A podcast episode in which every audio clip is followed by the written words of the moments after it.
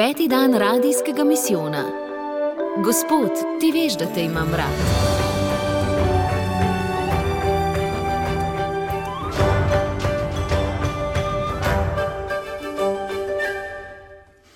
Spoštovane poslušalke, cenjeni poslušalci, še enkrat lepo pozdravljeni v naši jutranji misijonski svetovalnici na praznik gospodovega oznanjenja. Danes gostimo zakonca Katarino in Klemena Lajevca. Dobro jutro ali dober dan?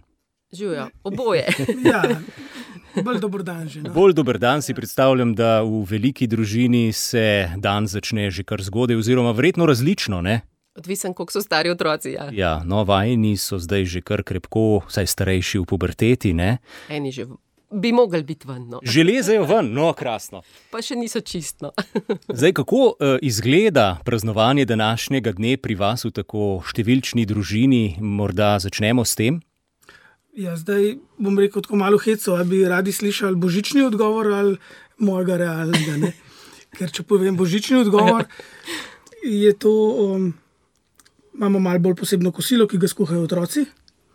Um, žena dobi rožico, vsaj. se Od moža večkrat. gotov, ampak Ja. tudi od otrok večkrat. Ja. Um, No, ena je danes tudi z naše Tudi vaša, strani, ja. tako Uh, Potem, dokler ni bilo te korona krize, je sledil tudi obisk Maše, tudi pri Maši rožica od župnikov oziroma ja. duhovnikov. Um, in vsi se imamo radi, ne? v resnici. V resnici je pa morda malce drugače. Ne? Dan je zelo podoben ostalim dnem. Uh, ta mala dva otroka v starosti pet pa osem uh, zahtevata, zahtevata svoje.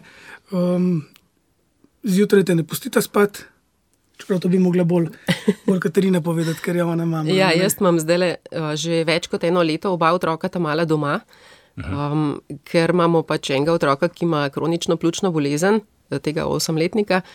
In ga ne upamo dati v šolo, in zato tudi pol tam mlajši ga ne v vrtec, uh, tako da se šolamo na domu in imamo precej pestro. Pa še oh, otrok s posebnimi potrebami, ki rabi stalni nadzor, če nočeš, da ti ne vem, v tako lepo kavico vrže mal uh, kock ali pa rožic ali pa ne vem, gleda, kako bo padel noter. Uh, Karkoli si že zmislil. in je dan takoj lepši. Ja, tako, da, tako pa v resnici zgleda. Tudi tisto lepo kosilo s posebnimi kozarci in vse.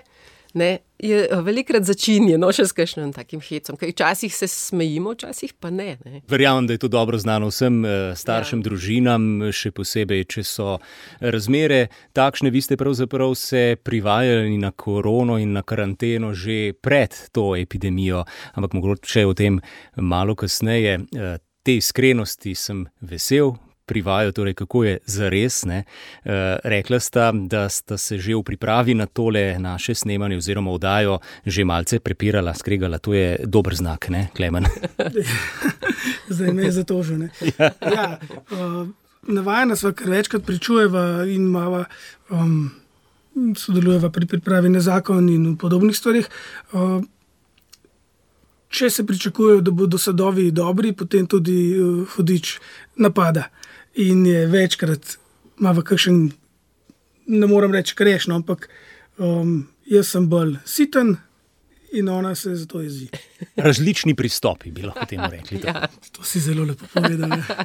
No, ker smo v letu družine, tudi v Jožefovem letu, eh, lahko rečemo, da eh, je tukaj na mestu vprašanje o tem, kako si predstavljamo te izzive današnje družine. In pravzaprav o tem govori tudi crkva oziroma papež Frančišek, ki je razglasil to leto, ti leti.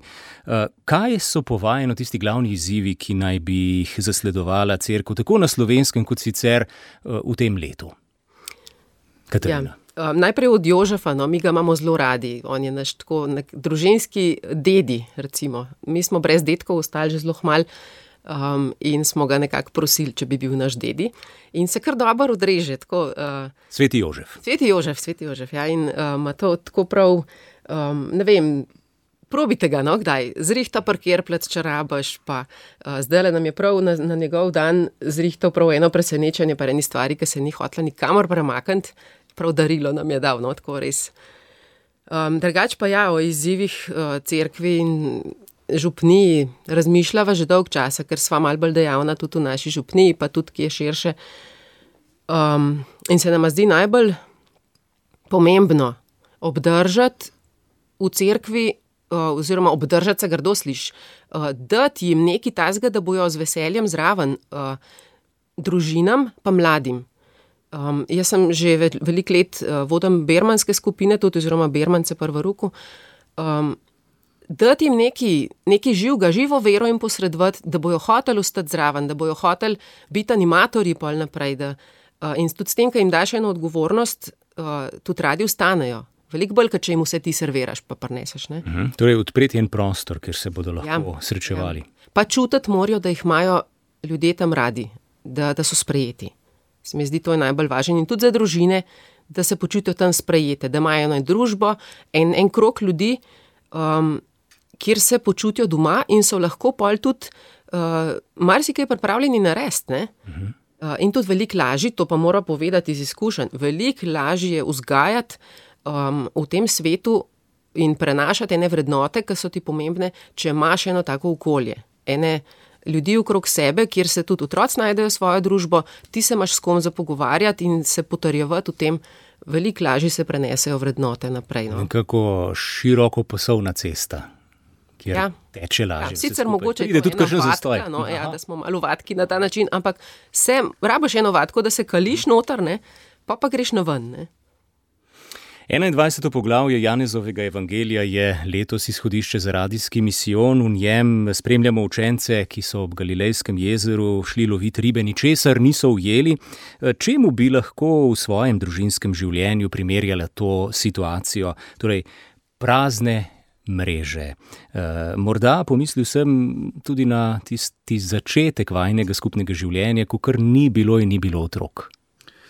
Tle moram, pardon, tle moram reči, da ribiči, ne, ki so metali mreže, so bili po celi noči verjetno res obupani, da so na Jezusovo besedo še enkrat vrgli mreže. Uh mhm. -huh. Kar lahko prevedemo tako, da uh, še reko je za dost hudo, se nasloniš na Boga, žal. Doskrat je tako. Uh, imamo Boga za nekoga, ki tam stoji, ga bomo že uporabljali, če bo, če bo res hudo, drugače pa se izmoremo sami. Um, tako klemen dela, jaz se pa mal bolj na njega zanašam. ja, pač, je težko, no? je težko priznati, da nisi gospodar svojega življenja, definitivno. Ja, takrat, ko je najtežje, ko ni nekega znamenja, ko je treba v to temo stopiti, mm. ja. bom hitro tukaj narediti korak vire. Tisto obdobje, res, ki ni bilo otrok, uh, je bilo zelo težko. Um, mogoče meni še bolj, no? um, ker sem si predstavljala, da oba sva iz večjih družin, da bova imela mi dva tudi nekaj otrok. Sicer Klemen je rekel tri, jaz sem rekla štiri, ne? pa je vsak mal popustil, zdaj jih imamo šest. Na črti pred eh, začetkom. Ja, božja matematika je res malo drugačna. Ja. Um, no, ampak v začetkih pa ni bilo, ne? In, in se mi je res, meni se je svet podiral. Jaz nisem vedela, zakaj sem na svetu.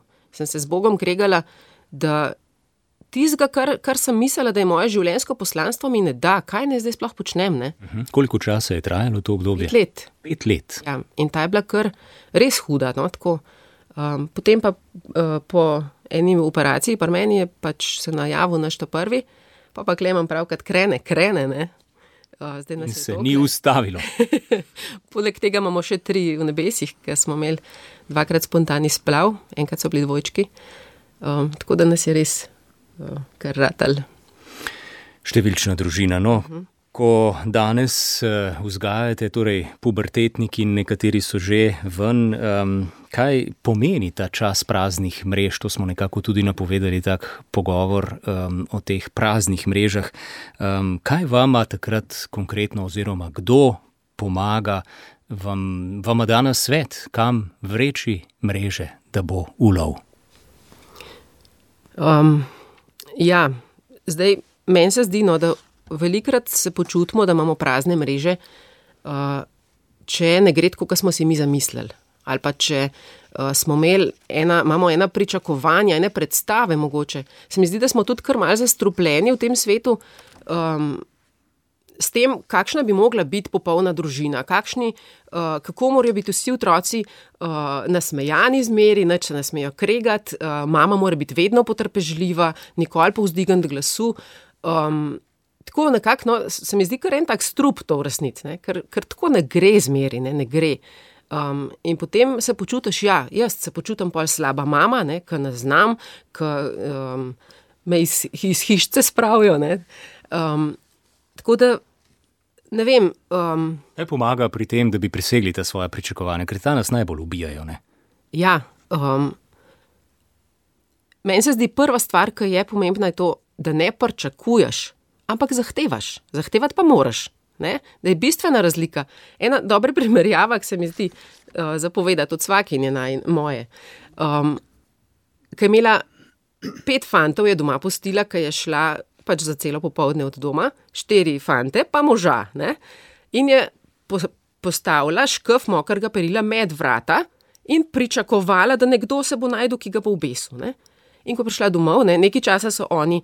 Uh, pač se trudili, pa stopili čez tisto, ja. potem se je pa le en najdel, hm. ki ga je stran umaknil. Tam je pa vstal. Tako da to so razlika med pričakovanji in zahtevami. In ti v družini ne moreš pričakovati od otroka, da bo sam od sebe videl, da je kuhna razmetana, da bo videl, da so tla umazana. Se, če se spomnim jaz sebe, ker sem bila jaz stara, ne vem, 12 ali pa če sem bila 20. A sem kdaj videla, da so tla umazala, umazana? Ma kje? To ne vidiš, dokler nimaš svoje kuhne. Ne? Tako da zahtevati je pa treba. Ne? Tam je pa tista naša starševska vloga. Jaz sem starš in potem ne bom razočarana, bom zahtevala in to v veliki družini poimensko. ne moreš zahtevati, eden naj naredi, ampak poimensko, še najbolj se nam pa obnese, če kar na listke napišemo, kaj ima kdo za narediti. No. Da je eh, transparentno, kot rečemo v teh časih. ja. Čeprav se hitro potem najdejo ti izgovori. Ja, kaj pa vse. on, ona pa še ni nič. Ja, ja, ja, ja, to pa. Pravični so pa blazno. Ja. Mhm. Klemen, kdo ja. potem tudi še konkretno, zdaj smo že slišali nekaj, kaj pomaga. Ne? Um, kaj, kaj konkretno pride po, na pomoč pri teh trenutkih, ko so mreže prazne? Jaz tako, v resnici mislim, da samo to, da sprejmeš situacijo in zaupaš, da je to del božjega načrta in da nisi v bistvu sam odgovoren za vse. In da tudi, ko pri vzgoju narediš kakšno napako, um, iz prve roke lahko povem, ali pa iz najnih rok, da Bog marsikaj zna popraviti ga lahko prosiš in stopi tudi tisti trenutek in tvoje napake popravi. Um, najbolj je vedno pri vzgoji in sploh odnosih v družini pomembno, to se nama, to mi dva v bistvu veva in to tudi živijo, da če se ima mi dva rada, če mi dva spoštujeva in drugega, uh, če to otroci vidijo, so s tem največ naredili za vzgojo otroka. Ne? In pokazala, in uh, nekdo je enkrat napisal, da naj en odnos je otroško igrišče. In če je otroško igrišče varno, se otroci dobro počutijo in znajeno naklonjenostjo, znajeno ljubeznijo, marsikajšno napako tudi popraviš, ker vedno pa napake narediš. Mislim, jaz si ne predstavljam, še v reklami je kakšna napaka. Uh mhm. -huh. Tudi pri kakšni fotografiji ne? je veliko napak. Ja, odvisen, kdo je fotograf. Tako, no, eh, tudi glede teh pričakovanj je pomembno, da potem, ko Bog eh, vstopi in poseže, da eh, to sprejmemo. Ne? Ni nujno, da je vedno ta poseg po naših pričakovanjih, po naših željah, da je drugače. Čeprav smo prosili za nekaj, kar si želimo. Ne? To je mhm. tudi. To je težko. Je težko ja. To se lahko navežem na to, na prvih pet let, ko ni bilo otroka. Ne? so se skregali z Bogom in prosili, da naj nam da otroka. Pa nam je svakinja, mhm. svakinja rekla, da ja, je svakinja zet in to, to meni ne gre prav dobro. Je enkrat rekla, da je to provat prositi, ne da bi dobila otroka, ampak da, ne, da bo se lahko sprejela Božjo voljo. In to je tisti um, tist kaval. Pravi, ja, je to sicer za, za mene mišljen in poseben, se mm. pravi. Mm izredno težko, no? s pomočjo filmskih trikov se da. Um, ampak ja, šele ko spremeš božjo voljo, se zares počutiš, da te ima Bog rad in da si miren vse. To se je meni zgodilo, ko se nam je rodil Jakob. Ne? otrok, ki bi po naravni poti umrl. In takrat, ko sem lahko predal to svojo stisko, ker res ne moreš kaj narediti, ne, Bogu in dubom tudi moč, da sem lahko rekel, da, sprem, da bom sprejel njegovo voljo, kakršna koli pač bo. Ne. Takrat je od mene vse odpadlo in sem se čutil, da me bo držal na ročju. Uh mhm, -huh, to je peti otrok, ta otrok, Tako. o katerem ste že prej govorili, ki potrebuje zdaj tudi posebno zaščito. Rekl sem, karanteno ste živeli tudi že takrat. Ne? Zakaj, Katarina? Um, ja, Jakob uh, se je rodil tri mesece prezgodaj um, in to s hudo pljučnico. Um, in v bistvu ni zadihal, ceno je dobil 0-0, tako je bil intubiran. In, uh, potem še razni zapleti, uh, trikrat je imel pljučnico, uh, trikrat so mu pljuča počla, na 100-odstotnem kisiku je bil skoraj dva meseca. In ni bilo nobenega napredka, ne? ni bilo izboljšave. Tako da je zdravnik že obupal in nas je trikrat v bistvu poklical, da bi ga odklopili. Um, in takrat smo mi dva doživela, um, kaj pomeni molitev cerkve, občestva. Takrat je toliko ljudi molil za nas, res, da, um, da nas je tista molitev gor držala in da smo izprosili tudi od Boga čudež. No? Tako da je tudi zdravnik, ki ni bil veren, uh, prišel ne vem kolikrat k nama, pa nam je rekel, da tega otroka ste pa sam vi rešili. Rekel, mi smo vso težko artilerijo ponudili, pa ni šlo, um, tega ste sam vi rešili. Mi dva sva zmer sam rekla, mi smo sam porosili Boga, on je naredil. Um, ja, in uh, zato je tudi Jakob še vedno, ne, ima, uh, pač ima kronično pljučno bolezen, v bistvu mu pol pljuč ne funkcionira. Um, in uh, ga moramo pač bolj merkati. In zdaj v tem času, pa še sploh, ker on že v normalnih časih je imel skoraj enkrat na mesec pljučnico, antibiotike, um, rabi kisik ob, ob, ob skoraj vsakem prehladu. No.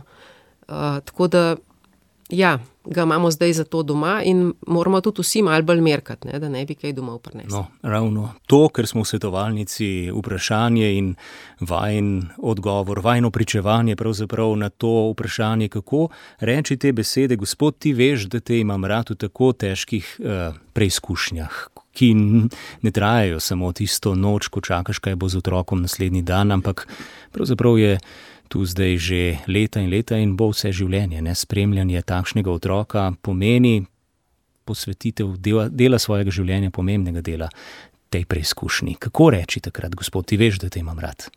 Uh -huh. um, takrat, ko se je rodil, ni bilo tako težko. Takrat si vržen in plavaš. In uh, takrat je tudi res toliko ljudi molil za nas, da uh, Mi dva sploh zdravnika nisva poslušala, mi dva sva dobivala od ljudi toliko spodbud, uh, toliko res, koliko ljudi mol za nas. Um, in tudi, ko so, ne vem, odprli sveto pismo, recimo za, za Jakoba, ko so molili, so dobili besede, uh, ne boj se, Jakob Črviček, tvoj Bog te bo rešil. Ali pa, ne vem, uh, razne preroške besede, da bo vse v redu, da, da Gospod je nocoj zdravo, Jakobu pljuča smo imeli enkrat in naslednji dan so bila pljuča zdrava. Um, tako da takrat smo se mi dva držala teh božjih obljub, res, kot klop. Um, in, in sva se čutila nošena od molitve drugih ljudi. Zdaj ne, smo pa sami, ja, zdaj pa je težje um, ker pač uh, ni bila zgodba zaključena tako, kot smo si mi dva predstavljali. Da bo potem uh, rešeno. To, to Bog ja. je naredil čudež, uh mhm. -huh. Jakob je zdaj zdrav in gremo naprej normalno, ne? tako kot smo bili navajeni od prejšnjih otrok. Pravi, takrat je bilo tisto intenzivno obdobje, tudi z intenzivno ja. podporo, zdaj pa je tukaj vsak dan. Ja, ja. in Jakob ima posebne izzive. Uh, govori slabo, zdaj star 8 let uh, govori še slabo, ampak govori, razumemo ga, ne? se mora biti navdušena, sva navdušena do vsako stvarjo. Uh, hodi, vozi se s kolesom, uh, ker nismo vedeli, bo hodil, govoril, bo videl, bo slišal. Noč nismo vedeli, ker je bilo res tako, da uh, ne, da je zdravnik čisto upal. Uh -huh. um, ampak vse je treba pa zdaj živeti in, in uh -huh. zdaj bi pa ti vse. Ne? Zdaj pa, ko vidiš en napredek tlele, zdaj bi pa še to, pa še un, pa le tako, kot imajo drugi otroci. Ja, kdaj popade Seveda. takšna eh, Seveda. misel, ne? zakaj pa tega še ne zmoreš, lej, tvoji sovrstniki pa že ne. Ja, ja, in to je v bistvu težko videti, da nisva še sprejela Jakoba čist tazga, kot je, da bi mu dovolila biti tak, kot je ampak se skozi, najprej smo se z Bogom kregala, pa borila, da Bog vendar ne dela na pol čudeža, ne, da je do konca nared, ne. To se še zmeri mal, še zmeri mal fehtava, kdaj, da je ne, nared še. Uh, in tudi Jakob napreduje na molitev, to pa je res. To smo pa že ugotovili, da se odločimo, kdaj za njega, za kakšno devetdnevnico, družinsko, uh, da je zmeri kakšen napredek. No. Um, Pomembno je, da ga opazite, ta napredek. Ja, ja. ker pač te napredki pa njemu so majhni, ne? to gre po, po majhnih uh, kapljicah. kapljicah ja. uh, Včasih je kašna tudi večja. Ampak, ja. Takrat je zelo težko reči, da Bogu ti veš, da te imam rad. Čeprav je tudi Peter na Jezusovo vprašanje, Jezusovo vprašanje je bilo, Peter, ali me ljubiš? Ne? In na koncu, po treh vprašanjih, je rekel: Ti veš, da te imam rad, ne? kar v bistvu pomeni malo manj kot ljubiti. Ne? To sem nekje slišal, pa prebral. Ne? Ampak je očitno mogel biti Bog zadovoljen tudi z malo manj. Ne? In tudi pri nas, um, jaz nimam te moči ali pa milosti, da bi lahko v polnosti rekel Bogu. Vse se, se, se trudim, ampak um, sem tako kot vsi, ne krval pod kožo. Ne? In verjetno je tisti prvi odgovor tudi še malce oklevajoč, ne? zato je sledilo drugo vprašanje. Si predstavljam? -huh. Uh -huh. Ja. ja, in tudi veliko, recimo, nam je z Jakobom marsikajšna stvar odpadla, ki smo jo bili prej navajeni. Ne? Mi smo bili prej zelo športna družina, ne? smo hodili vem, v hribe, pa plezati, pa posodstvo otroke, pa tudi s pedalom leteti. Pa, um, Zdaj smo že 8-9 let zabremzani. Mi ne moramo iti v višino, ker ima Jakob uh, preslabo saturacijo, ko pridemo nad 800-900 metrov.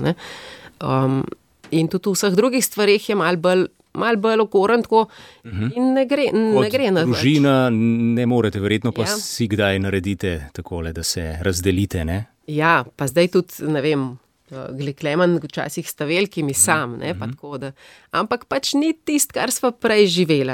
In uh, je Ja, je kar izziv. No, tako, um, ja, se z Bogom še zmeraj kdaj kregava zaradi tega. Ja. Um, Čeprav ga imamo ful radi ne, in vsi ga imajo res radi. Ravno to sem ja. želel vprašati, kako ga sprejemajo drugi. Ja, zelo. Um, in tudi on je res tak, uh, tak odprt človek no, in uh, vesel, uh, parjazen. Zna pa seveda ne tudi cepetati, pa se po tleh metati, kam kaj ne gre, pa tako ne, pa nagajati. Ne, ne zna se tako, da bi se sam zelo zaigral in potem tam, tam mlajšmu, ne skozi neki nagaja, pa podira, ne, kot da bi imel enega manjšega otroka zraven. Ne.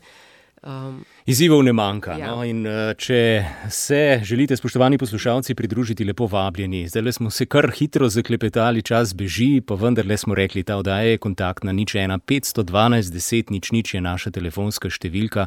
Morda s kakšnim vprašanjem, svojim pogledom, razmišljanjem, lepo vabljeni, izkoristite še teh nekaj minut. Sicer pa ja, minute so v družinskem življenju dragocene, hitijo, drvijo, naenkrat eh, je tu tretje življenjsko obdobje, ne? počasi se bomo, stopi, bomo stopili van. Nisem želel takšnega voda narediti, ampak predtem še veliko, veliko dela poslanstva, tudi vidva upravljata eno takih, v, kot ste že omenila, pripravi na zakon sodelujeta. Um, kaj rečete tem mladim parom, ki se pripravljajo na skupno življenjsko pot? Kako, um, kaj, kaj je tisto najpomembnejše, kar jim želite predati? Težko rečeš samo z eno besedo, kaj je najpomembnejše. Ampak se nam zdi, če bi mogli izbrati eno, je to odločitev. Odločitev za so zakonca, bodočega, ne? in odločitev za to, da postavi na en odnos na prvo mesto. Seveda se podrazumeva, da je na prvem mestu Bog, ne potem je vse na pravem mestu. Ampak, um, ko se poročiva, ko začneva živeti skupaj, seveda bodo problemi. Um, če se zaveževa, če obljubljamo en drugemu in tudi sebi, da bomo vse naredili, da nam uspe, smo na zelo dobri poti. Seveda pomaga, če slišimo in če smo se pripravljeni učiti tudi iz izkušenj drugih. Um, Drugače pa ja, jim želiva povedati, da se je treba res naučiti stvari. In tudi pari, ki prihajajo, so uh, zelo hvaležni. In tudi če so že veliko let skupaj, vsi pa napišejo na koncu, da uh, da so ogromno novega slišali in tudi uh, dobili nekaj izhodišč za pogovor med njima. Um, tako uh, bi se pre, preveč uh, hvalisavo slišali, če, če bi prebrala kakšne zahvale. Res so, res so navdušeni, tako kot um, mhm. o teh tečajih. Um, Upozorimo jih pa ja, da se je treba naučiti uh, komunicirati, da smo različni, da smo um, moški pa ženske čist drugače razumemo stvari uh, in da ne vem, ne, to Klemen sicer boljš pove, če, če ja. napove. Ena tako zelo banalna stvar, ki zelo dobro ilustrira to, da se je težko pogovarjati z moškim ali pa z žensko, če si nasprotnega spola, še, še celo z ženo, še morda še posebej. Ne. Tudi na podlagi toliko in toliko let, ne se. Ja. to je tudi ena stvar, ki jo treba omeniti. Po, po 27 letih misliš, da boš pa komunikacijo obvladal, pa te še zmeri vsak, vsake tok časa. Kaj preseneti. preseneti. No, ampak recimo, hotel sem povedati to. Če jaz kot moški rečem, nič nimam za obleč. To pomeni nekaj popolnoma drugega, kot če Katarina, kot ženska, reče, nič nimam za obleč. Isti stavek, isti besede, isti ton, nobenega pod pomena. Ampak, če to rečem jaz, to pomeni, da ni nič opranga, nič v omari, nič zlikanga, nič, kar bi lahko oblekel. Če to reče Katarina, to pomeni, nič nimam novega. Uh mhm. -huh. Moram si nekaj novega kupiti. Ne? Ali pa primernega. če v, v eni taki banalni stvari, enostavni, uh, je v bistvu zelo nasproten pomen. Lahko. Uh mhm. -huh. Kako bi lahko pričakoval, spet pričakoval, da se bo razumela, ko bom govoril o svojem notranjem svetu, o katerem moški že tako težko govorimo, ne se treba naučiti, kako bom lahko razumel njene stiske, kaj bo nekaj povedala, miselna pa morda nekaj drugega. Um, brez vaje si tukaj obsojen na, na težave.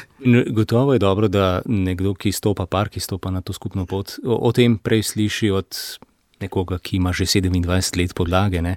vidva pripravljata, koliko časa traja ta priprava, kjer sodelujete vidva? Sodelujeva pri dveh pripravah uh mhm. -huh. in sicer pri pripravi pri svetom Jožefu, ki jo vodijo jezuiti. Tam traja priprava en vikend, od petka do nedelje, zdaj v zadnjem letu, vedno preko Zuma. Potem pa še pri eni drugi pripravi, ki jo skupnost Emanuel pripravlja, to pa traja 8 zaporednih mhm. srečanj uh -huh. na 14 dni. Torej, malce daljše obdobje. Ne? Daljše obdobje. Um, teme, ki se obdelajo, so pri vseh pripravah približno enake. No, se nam pa zdi, da je morda res čez daljše časovne obdobje lažje, ker, ker so vmes med temami, je več časa, da lahko. Uh mhm. -huh par predela to, kar je slišal. No? Seveda, različni pristopi, eh, različni sadovi, kakorkoli že, se eh, zadeva je zelo kompleksna, kako pri vsakem posameznem paru kaj funkcionira in nagovori. E, tako vmes smo dobili sporočilo, ne vem, če je tole, za, če je gospa še z nami, gospa Viljenka. Ja, ja, A še, še. gospa Viljenka, lepo zdrav. Ja, Hvala, ker ste počakali. Ja, ni, jaz sem samo hotela tema dvema čestitati in kapo dol pred njunima iskrenima odgovoroma. Mislim, to pa redko kdaj slišiš, da so ljudje tako iskreni, sploh pa javno. Mm -hmm, tako le pred mikrofoni ne, in pred kamerami. Tako, tako, res kapo dol, samo to sem hotela. Pa lep dan vam želim, gospe, pa lep eh, materinski. Ja, hvala enako, tudi vam lepo praznujte. Ja. Hvala. Ja, hvala. Ja. ja, nasvidenje. Srečno, ja, torej eh, ja, iskrenost. Meni se zdi, um, da se mogoče v, sploh v krščanskih krogih včasih mal um, delamo napako, ker preveč lepe stvari povemo. Tako, da nismo iskreni, mislim, vse si iskren, ampak potegneš ven samo tisto ta lepo, ne? in potem zgleda, wow, kakšna lepa družina so pa oni, kako lepo jim je, kako sem kol naskrega. In v resnici s tem drugim narediš slabo, pa se primerjajo s tabo, pa mislijo, kako so oni slabi. Uh mhm. -huh. In nama se zdi pa zelo pomembno, da, da pokažeš ljudem, da so normalni, da, da imamo vsi težave, da, uh, ne, da, da si. Ja, tu, tu, tu se odpira čisto novo poglavje, za katerega žal nimamo časa, ampak gotovo zelo pomembno. Ne? Tudi recimo eh, prikazovanje teh številčnih družin, ne? tudi vajna je številčna, hkrati pa morda, eh, seveda imamo pare, ki ne morejo imeti otrok, bolečina, ki je velika, ne? Eh, pa vendarle sta podala vajen odgovor kot sprejemanje tistega, kar Bog želi, kar je njegova volja pa je seveda to zelo težko, kot ste tudi povedala. Ja. Zdaj le se počasi, počasi bližamo koncu, mogoče samo še tole za sklep. Ne? Sodelujete ob tej eh, številčni družini tako v pripravi na zakon, kar dveh, pa tudi v društvu Družina in življenje ste aktivna. Kako, kako to usklajujete? Nama je v bistvu zelo pačko. ja, ne. Uh, Vse je, vse nama včasih malo dol pade, malo si mislimo. Tako, Klemen se mi zdi, ima kar skoraj vsak mesec težavo, ki uh, je treba, ki je vsak mesec priprava na zakon, ne? da bi kar mal nehala. Ne? Ampak um, po drugi strani nama da pa tudi eno veselje. Tako, um, en, en izziv je, mi dva se moramo usesti, pa se skupaj pogovarjati, se pripraviti na stvar. Uh, in tudi, ko dobiš feedback, je, je lepo, no? je luštan, te malo mal poboža, uh -huh. uh, ker so ljudje veseli, ker so hvaležni, da, da si jim nekaj iz svojega življenja dal. Ne? Ampak treba se pa potruditi, ja, ob vseh teh izzivih, ki ste jih že prej omenjali, iti še v to, pa recimo na radio, ko vaju pokličejo. Uh, kaj vam to pomeni, da povesta, da se tudi konec koncev tako odpreta ne, svoje življenje? Zato ste prijeli, zato dajete naprej. Nam. Jaz se počutim posebej, odkar se nam je rodil Jakob. Ne, uh, da smo dolžni to narediti. In zato tega ne smem povedati. Ampak bom vseeno. Kdorkoli kaj prosi za pričevanje ali za kakršno koli sodelovanje, vedno reče: ja. Ja, zdaj pa pogledajte na telefone, ko boste šli domov, če je še kaj prostora na urniku, ko bojo klici prišli. Ja, ja. ne, se mi zdi, da je, da je pomembno, da če lahko kaj poveš, uh -huh. mu kaj daš, uh, to moraš narediti je težko, težko je uskladiti čas, težko je najti varstvo. Mar si kdaj težko najti tudi voljo, da greš, ker se ti ne ljub, raž bi vem, sedel doma ali karkoli. Ampak, ja, tako kot je ja. Katarina rekla, tudi mi dva marsikaj od tega dobivamo. No. Ampak smo pa dobili zadnjič, recimo v molitveni skupini, eh, tako, um, take besede in tako spodbudo, da moramo vsi kristijani se postaviti na svetilnik da ti, pa ne tako, da boš ti zdaj tam svetu pokazal, da je sem jaz dober, ne? ampak tako, da svetaš, da ljudje vejo, kam morajo jeti, da tega manjka v življenju, v svetu manjka tega in da, da pač to, kar živiš. Maš, da postaviš na svetilnik, sej ne da boš svetu priti teh men, pa se bojo zaleteli noter, ne? ampak da boš svetu, kam morajo jeti, ne? da morajo jeti Jezusu, kele svetva. Ne? In Mene je zelo pretresla ta beseda takrat in dobro, vse se, se že prej trudva, ne? ampak tako, da, da ja, Jezus želi, da smo na svetilniku, ne da se skrivamo v svoje hiše, pa si mislimo, da se bo že kdo drug naredil. In, hvala vam, hvala ja. vam za tole luč, ki jo svetite tudi z današnjim sodelovanjem v svetovalnici. Peti dan misijona uh, je tu in dobra podlaga za vse, kar smo slišali, tudi za nadaljevanje dneva. Katarina in Klemen Lajvec, hvala lepa, vse dobro vajni družini in vajnemu poslanstvu. Hvala.